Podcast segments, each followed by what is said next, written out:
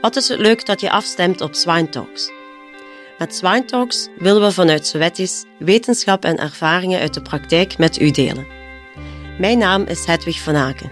Ik ben marketingmanager bij Sowetisch en stel jullie in het kort mijn collega's voor die de inhoud van de podcast zullen invullen. De Sowetisch dierenartsen staan dagelijks in contact met praktijkdierenarts en key opinion leaders. Anne van der Zijp is varkensdierenarts voor Sowetisch. Twan van Berlo is onze Nederlandse Sowetisch varkensdierenarts.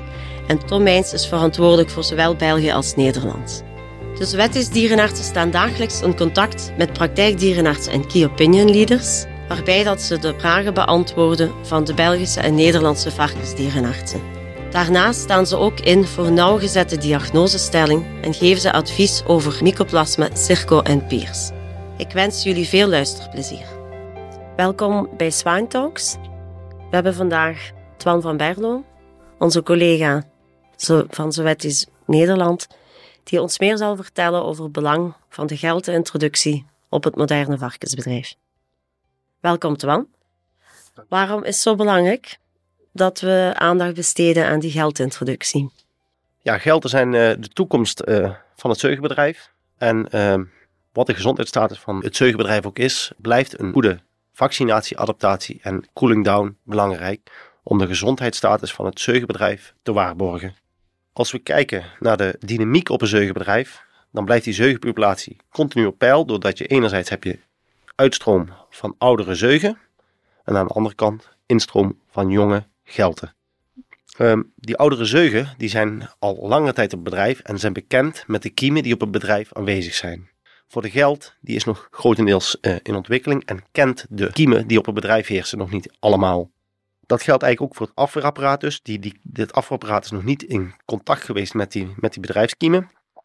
En als we dus gelden zonder goede voorbereiding introduceren op het zeugenbedrijf, dan kunnen zij ziek worden uh, van die kiemen, bijvoorbeeld in de dracht. En in die drachtstal kunnen zij vervolgens ook die, uh, die kiemen weer terug verspreiden naar de zeugen. Dus op dat moment kunnen dus de gelden dus een belangrijke verspreidingsbron zijn van ziekte naar de zeugen op het bedrijf. En kan de uh, gezondheidssituatie, de stabiliteit van de gezondheid, ernstig in het gedrang komen. Ja, ik denk voor veel van onze collega's wel herkenbaar wat je nu aanhaalt.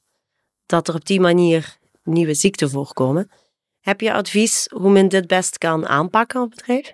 Ja, uh, standaard begint een, een goede uh, aanvoer van geld begint met een quarantaineperiode. In die quarantaine is het vooral belangrijk dat die in een schone, goed gereinigde en ontsmette stal binnenkomen zodat ze veilig opgevangen worden. De eerste dagen kunnen ze dan vervolgens wennen, acclimatiseren aan de omgeving. Ze komen in een nieuwe omgeving terecht. En daarna is eigenlijk het moment om te kunnen gaan vaccineren tegen de gezondheidskiemen of tegen de kiemen die op dat bedrijf aanwezig zijn. Als dierenarts weet je de gezondheidsstatus van de zeugen en op basis daarvan kies je de vaccinatie die die gelden nodig hebben om beschermd in de zeugenstapel geïntroduceerd te worden.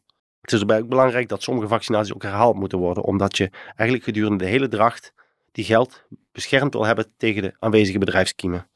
Nadat we de gelden gevaccineerd hebben, kost het even tijd uh, voordat ze voldoende afweer hebben opgebouwd tegen de kiemen waartegen gevaccineerd is. Kunnen we gaan adapteren. En dat kan met speekseltouwen of uh, we kunnen er wat oudere zeugen bij leggen. Dat is eigenlijk een manier om die gelden gecontroleerd in contact te brengen met de kiemen waar ze later tegenaan lopen.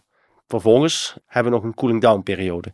En in de cooling down periode is eigenlijk de periode waarop die, die geld afweer opbouwt tegen de kiemen waarmee die is geadapteerd. En vervolgens uh, op een punt komt dat hij eigenlijk nagenoeg geen kiemen meer uitscheidt. En dat is het moment dat de cooling down periode afgelopen is. En dan kunnen we uh, dus de geld gaan voorbereiden op introductie in de zeugenstal. Dus op inseminatie en, uh, ja, en verplaatsing. Klinkt mooi, een heel stappenplan. Geldt het voor alle bedrijven? De quarantainefase, dan de vaccinatie en de cooling down? Of mag je ervan uitgaan op bedrijven met eigen geldopfok, dat er dan al eenzelfde gezondheidsstatus is op deze bedrijven? Ja, in theorie zou je zeggen van nou weet je, ik fok mijn eigen geld op. Die komen van mijn eigen bedrijf, dus die komen alles tegen wat ze op het bedrijf, ja, wat, wat op het bedrijf aanwezig is. Maar het is uh, heel lastig te zeggen, ja, voor de ene kiem komen ze in de opfok 80% keer een 80% van de geld hebben antistof opgebouwd. En bij de andere kiem is dat maar 20%. Dus dat, dat verschilt per kiem.